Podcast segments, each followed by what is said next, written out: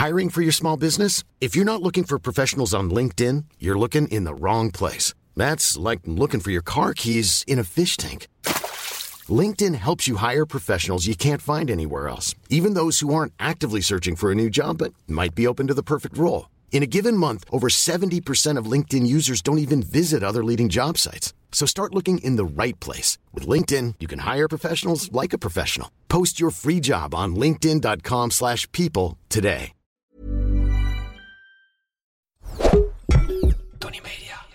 Het is nog steeds oorlog in Europa. Gaan we allemaal dood in een kernoorlog? Nee, dat denk ik niet. Gaat deze oorlog de wereld veranderen? Dat weet ik nog steeds zeker. In Voordat de bom valt, hou ik je op de hoogte van de situatie in Oekraïne en Rusland. Deze week bezocht een delegatie uit Noord-Korea Moskou. En binnenkort tekenen Iran en Rusland een verdrag voor diepere samenwerking. Vooral militair zal het zijn. En ja, Iran en Noord-Korea en Rusland die lijken een soort evil drie-eenheid te willen creëren. En vooral de rol van Noord-Korea kan zorgen voor een andere dynamiek in uh, oorlog. Noord-Korea die eh, afgelopen weken posities in Zuid-Korea heeft beschoten. En gisteren nog zei Kim Jong-un dat hereniging van Noord- en Zuid-Korea niet meer mogelijk is. Volgens de site 38 North, waar over het algemeen heel goed geïnformeerde journalisten voor schrijven, werd gezegd dat de kans op een oorlog in Korea sinds 1950 niet meer zo hoog is geweest. Ze waarschuwen ook dat Kim Jong-un de Koreaanse oorlog weer wil hervatten. Het lijkt me iets om niet te vergeten met uh, al dat geweld in Oekraïne en in het Midden-Oosten. Kunnen we er ook nog wel bij hebben dit jaar, een oorlog in Korea. Jezus. Maar goed, nu gaan we het natuurlijk hebben over de oorlog in Oekraïne. Want dit is wat er gebeurde in week 46 en 47 van het tweede jaar van de oorlog.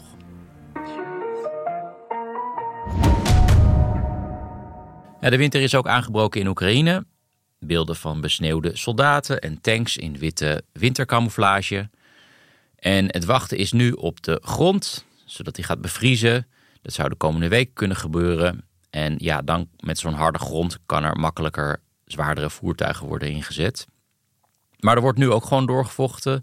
De Russen hadden gisteren een kleine terreinwinst bij de stad Donetsk en ook bij Krinky. Dat is dat plaatsje aan de oostoever van de Dnieper waar de Oekraïners al maanden zitten ingegraven. Een soldaat die daar vocht, uh, die noemt het een beetje een pingpongwedstrijd. Er wordt continu gevochten over een strook van ja, 100 of 200 meter land, die elke paar dagen in Russische of Oekraïnse handen is. Drones spelen daar ook steeds een andere rol. De Russen hebben aan hun drones nu luidsprekers hangen en die maken dan het geluid van geweerschoten. Dit dan om Oekraïners uit hun loopgraven te lokken en hun eh, posities bekend te maken. Andere Russische drones die gooien nu granaten met ja, een soort van traangas. Waardoor Oekraïnse soldaten last krijgen van hun ogen, maar ook heel erg moeilijk kunnen ademen. Het is niet helemaal duidelijk wat voor gas dat precies is. En intussen is de luchtoorlog natuurlijk ook nog aan de gang. Waar de Oekraïners steeds meer een nadrukkelijke rol spelen. Uiteraard natuurlijk in reactie op de raketaanvallen van de Russen, die nog steeds onophoudelijk doorgaan. En steeds vaker ook door de Oekraïnse luchtverdediging gaan. De afgelopen weken waren er bombardementen van de Oekraïners op Russische steden en dorpen. Gisteren werd de stad Voronezh geraakt en eerder deze week een dorp in de Koersk-provincie. De stad Belgorod ligt vlakbij de Oekraïnse grens. Die wordt bijna dagelijks beschoten. En ja, ik zag er beelden langskomen van soort van betonnen bovengrondse schuilplaatsen die overal in die stad worden neergezet. Moeten er uiteindelijk 200 zijn. En ja, voor het Kremlin is het een beetje een dilemma. Want enerzijds willen ze geen paniek zaaien. Dat mensen niet het idee krijgen dat die oorlog ook in Rusland woedt. Wat dus wel het geval is. Maar tegelijkertijd willen ze niet dat er doden en gewonden vallen. Wat ook tot paniek leidt. Dus het is een ingewikkelde situatie voor ze. Gisteren schoten de Oekraïners ook een A-50 radartoestel van de Russen uit de lucht. En ook een Ilyushin, die wordt gebruikt als een soort mobiel commandocentrum. Die uh, Ilyushin die, uh, moest zwaar beschadigd een noodlanding maken. En dat radartoestel dat is gewoon, uh, ja, dat is er niet meer. En dat radartoestel werd gebruikt voor het in kaart brengen van de Oekraïnse luchtafweer. En ook het coördineren van luchtaanvallen. Heel belangrijk toestel dus. En zo'n toestel kost 300 miljoen euro. En de Russen zouden er maar negen van hebben. Van die Ilyushins trouwens ook niet zoveel. Uh, van de zomer hadden muitende soldaten tijdens die gekke muiterij van Prigozhin hadden er al eentje uit de lucht geschoten. Dus al met al een hele gevoelige slag voor de Russen. Ook vanwege die super gespecialiseerde bemanning aan boord. Dat vervang je ook niet zomaar. Volgens de Russen was het friendly fire. Dus ja, hadden Russische uh, luchtverdedigingsraketten of zo eh, zelf hun uh, eigen vliegtuig omlaag geschoten. Dat lijkt me hoogst onwaarschijnlijk. Meer waarschijnlijk is dat het een Patriot-raket was. Die dan wel 100 kilometer door vijandig gebied vloog. Zonder neergehaald te worden. Vind ik ook wel bijzonder. Nog een andere mogelijkheid is dat er wel al nu al F-16's in de lucht vliegen in Oekraïne. En dat het zou gebeurd zijn met een luchtdoelraket. Hoe dan ook, weer een kleine stap om Oekraïne hopelijk iets veiliger te maken voor Russische raketten. Gaan we door naar de Russische media.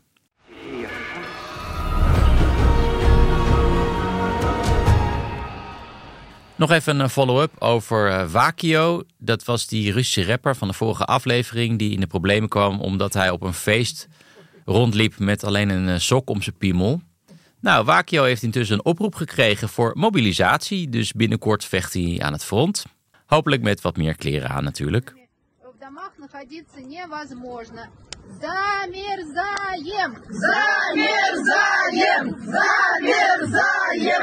Ja, je hoort hier een groep vrouwen Zamerzayem roepen en dat betekent we bevriezen. Maar niet in Oekraïne, zoals je misschien zou verwachten, door alle raketaanvallen van de Russen, maar in Rusland. In de stad Elektrostaal, om precies te zijn, vind ik echt een fantastische naam voor een stad. En in dat Elektrostaal heb je ook nog een wijk met de naam Metaalarbeider en de wijk Machinewerker. Nou, wordt echt niet meer Sovjet dan dit. In ieder geval, die stad zit al maanden zonder werkende verwarming. En ja, dan denk je dat die stad ergens misschien heel erg afgelegen in Siberië ligt. Maar deze stad ligt op een uurtje rijden van Moskou. En dit is niet de enige stad met verwarmingsproblemen. Dat gebeurt eigenlijk in een aantal steden, ja, tot Vladivostok aan toe, in het Verre Oosten. Worden steden geplaagd door een niet werkende verwarming. Want in Rusland zijn de steden altijd aangesloten op stadsverwarming. Dus er is één plek in de stad waar het warme water wordt gemaakt voor de verwarming en, uh, en om te douchen. Ja, op een bepaald moment in het najaar gaat die verwarming aan en dan in de lente ergens gaat die weer uit. En dan is het dus in die tussenperiode, de hele winter door, dag en nacht, is het iets van 25 graden in huis. Russen houden van een lekker warm huisje. Is echt om gek van te worden. Super droog ook. En denk je, je doet gewoon een raam open, maar dat gaat ook niet met min 30 graden. Dus uiteindelijk toen ik in eh, Moskou woonde, installeerde ik een airco om dan een beetje koud te blijven in de winter, wat natuurlijk gestoord is. Hoe dan ook, met die kapotte verwarmingscentrales uh, ja, zit gelijk de hele stad zonder verwarming. En ja, het gaat wel vaker kapot in Rusland, want het is een uh, totaal corrupt land. En sinds de val van de muur valt de hele infrastructuur daar in elkaar. Maar het is wel echt heel ongebruikelijk dat er in zoveel steden tegelijk problemen met de verwarming zijn. Dus ja, het zou ook kunnen dat de Oekraïners erachter zitten. Maar voorlopig is dat niet meer dan een vermoeden. Ik heb ook nog een luistertip voor jullie. Podcastserie About the Boy. Gemaakt door de Russisch-Amerikaanse journalist Julia Joffe. Joffe die duikt in vijf afleveringen ja, een beetje in de jeugd van Poetin. Ja, het is al wat over bekend. Hij groeide in totale armoede op in het uh, Leningrad vlak na de oorlog. Gaat een beetje over hoe die jaren hem hebben gevormd en hoe Poetin zich nog steeds gedraagt als een beetje die jongen van de dwor. De dwor is de binnenplaats eh, van een flat. Joffe bedoelt hiermee te zeggen, ja, een beetje een jongen van de straat is Poetin nog steeds. Het is heel erg mooi gemaakt. Ik zet een link in de show notes. Oké, en dan nog even dit. Ja, Oekraïnse soldaten die de winter doorbrengen in hun loopgraven langs dat hele front van 900 kilometer, die noemen het een parallele oorlog, namelijk de oorlog tegen de muizen en de ratten. Zowel de Russen als de Oekraïners die kampen met een eh, plaag. Nou ja, eigenlijk zijn natuurlijk de soldaten de plaag, want die muizen die woonden er al. Toen kwamen er ineens loopgraven. Ineens zitten er allemaal mannen in hun uh, zorgvuldig gegraven muizenholletjes.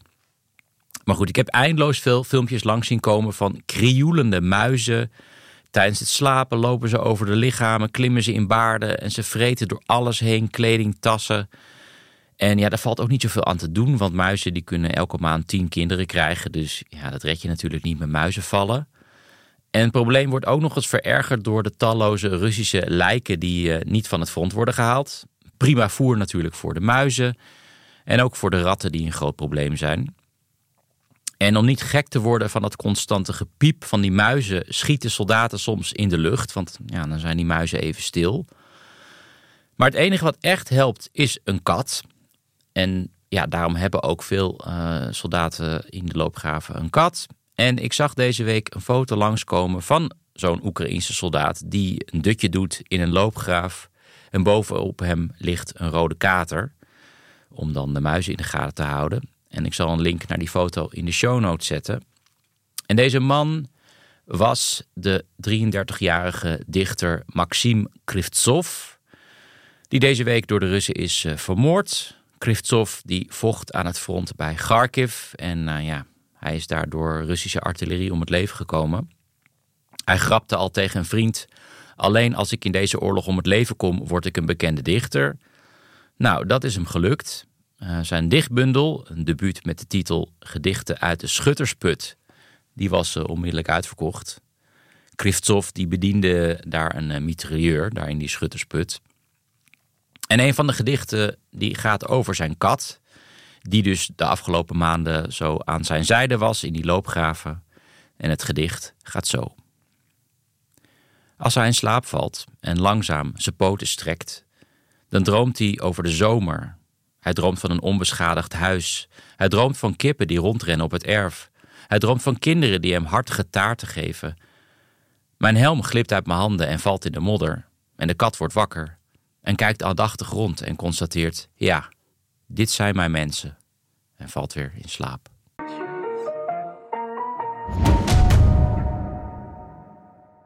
Het duurde maar acht dagen na de bevrijding van de stad Gerson voordat de eerste trein uit Kiev in Gerson arriveerde. Ja, dat laat een beetje zien hoe belangrijk de spoorwegen zijn in uh, Oekraïne. In de eerste fase van de oorlog was het vooral het wegvoeren van vluchtelingen. Meer dan 4 miljoen mensen zijn toen uh, weggevoerd naar het buitenland. En ook nog 120.000 huisdieren. Maar nog steeds spelen die spoorwegen een cruciale rol in het vervoeren van passagiers, van goederen, van uh, gewonde soldaten door dat enorme land waar de wegen vaak matig zijn en de vliegvelden momenteel niet werken.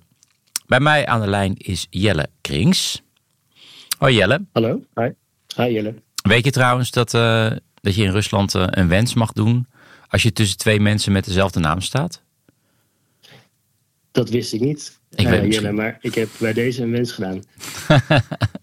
nou, dat geldt niet voor ons. Hè. Daar moeten we iemand tussen ons in hebben. Maar goed, misschien geldt in Oekraïne okay. ook wel. Hoe dan ook, Jelle die uh, fotografeerde uh, de werkzaamheden van de Oekraïnse spoorwegen. En dat leidde tot een aantal hele mooie publicaties. Bijvoorbeeld uh, een stuk voor National Geographic Nederland. Ik zal een link naar het stuk zetten in de show notes. hey, maar even om te beginnen met hoe je in deze oorlog rolde, Jelle. Hoe begon dat? Uh, nou, ik was eigenlijk op, uh, in het begin van de oorlog uh, was ik in Lviv, op het treinstation daar. En was ik er eigenlijk toen alle evacuatietreinen toen met, met ontzettend veel mensen aan boord door ja, Lviv. Hebben we het over de eerste week van de oorlog? Wanneer, wanneer in de oorlog is dit? Ja, dit was, dat was eigenlijk de eerste week na de oorlog ben ik naar Polen gegaan. Mm -hmm. En daar heb ik een week gefotografeerd aan de grens. En daarna ben ik over de grens gegaan naar, naar Oekraïne. Dus Lviv okay. is, de, is eigenlijk de grensstad daar, waar okay. toen alle vluchtelingen aankwamen. Ja. ja. En dat was natuurlijk chaos op dat moment. Ja, dat was totale chaos. Er kwamen geloof ik iets van uh, 25.000 mensen per dag door dat uh, station heen op dat moment. Uh, dat was de totale chaos met lange, lange wachtrijen voor, uh, voor treinen die dan vervolgens van Lviv weer de grens overgingen naar Polen. Ja. En veel treinen die aankwamen vanuit het oosten. Ja, met vluchtelingen uiteraard. Um, mm-hmm. Had je op dat moment al het idee, uh, ik, ik maak er een groter project van over de spoorwegen? Of, of had je dat nog niet in je hoofd op dat moment?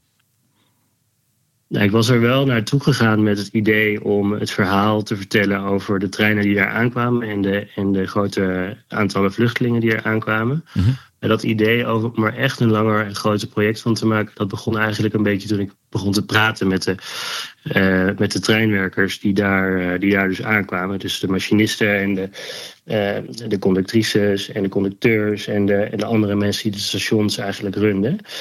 Ehm, toen begonnen me wel een beetje te dagen dat het eigenlijk heel bijzonder is wat die mensen aan het doen waren. Namelijk teruggaan naar het fonds iedere dag. En dan om daar mensen op te halen. Met gevaar voor eigen leven natuurlijk. Ja. en op die manier miljoenen vluchtelingen eigenlijk naar, in veiligheid te brengen. Ja, en ik, ik, ik, krijg het idee dat ze zelf niet echt onder de indruk zijn van hun heroïsche rol. Ze zien het toch gewoon als, als hun plicht. Of zie ik dat verkeerd?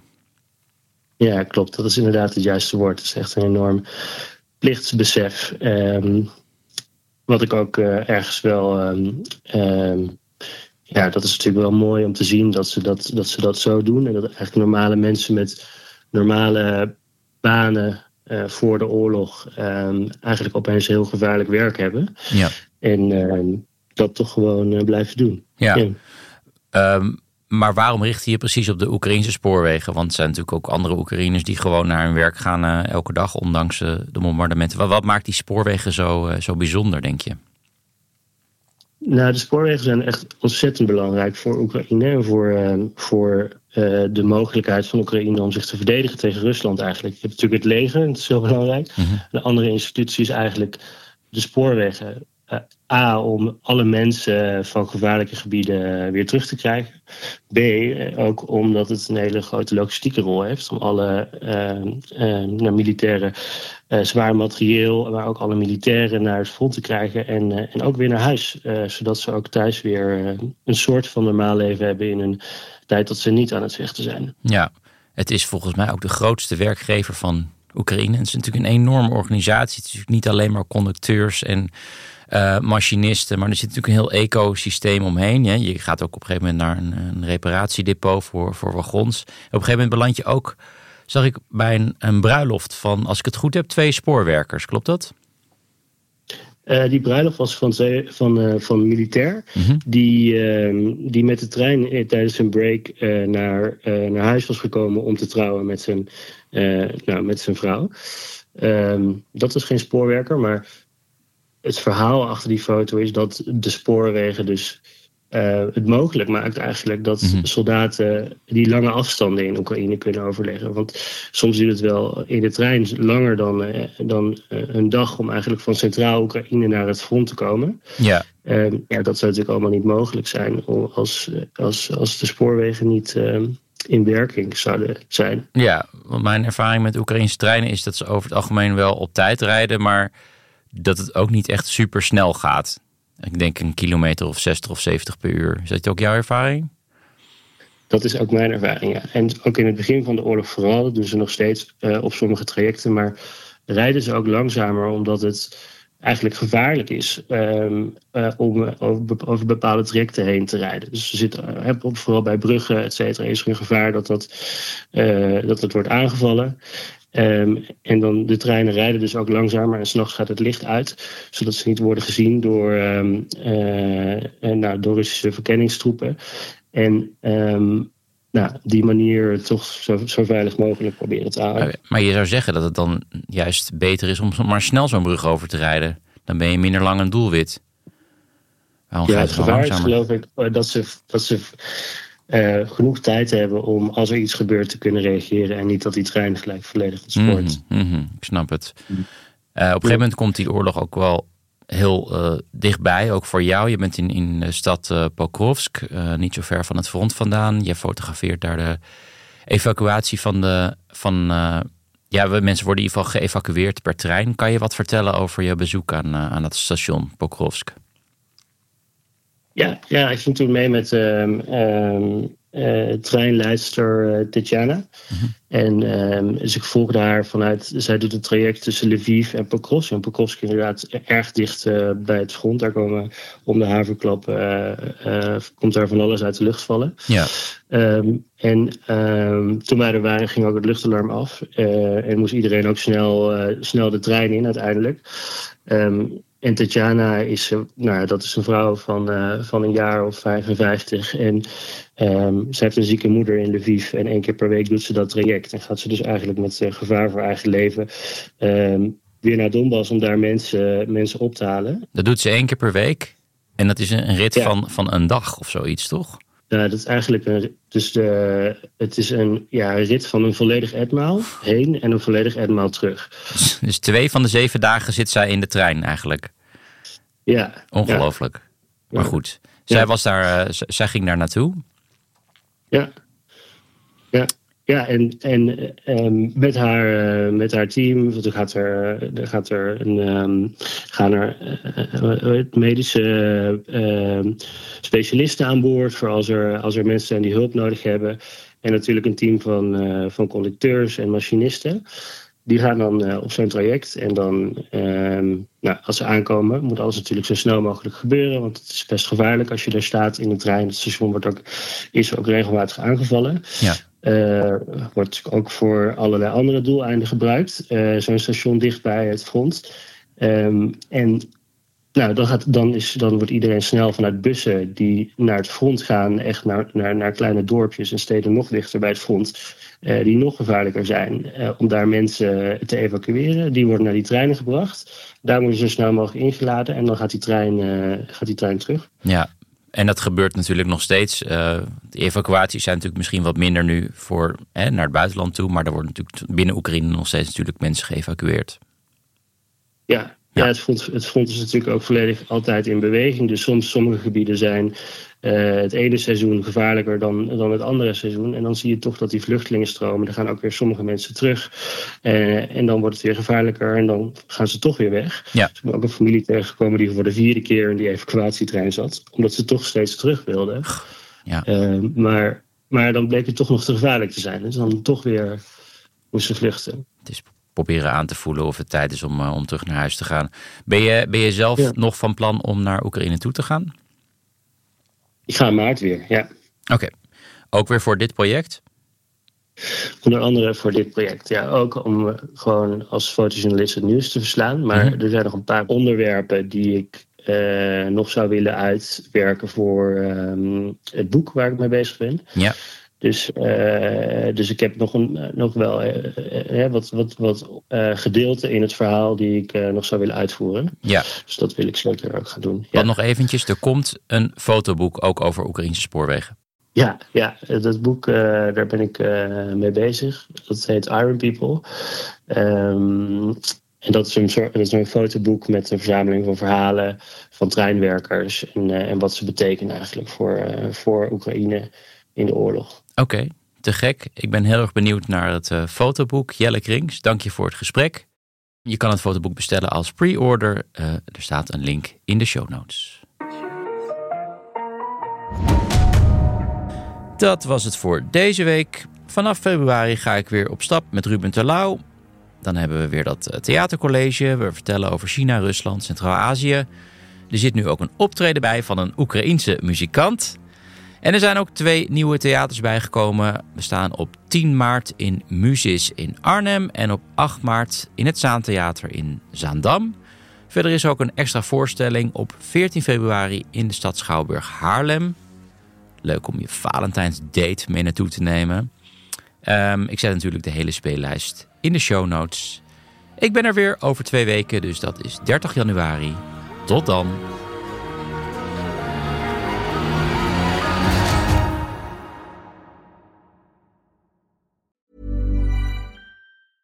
Planning for your next trip? Elevate your travel style with Quince. Quince has all the jet setting essentials you'll want for your next getaway, like European linen, premium luggage options, buttery soft Italian leather bags, and so much more. And is all priced at 50 to 80% less than similar brands. Plus, Quince only works with factories that use safe and ethical manufacturing practices. Pack your bags with high-quality essentials you'll be wearing for vacations to come with Quince. Go to quince.com slash pack for free shipping and 365-day returns.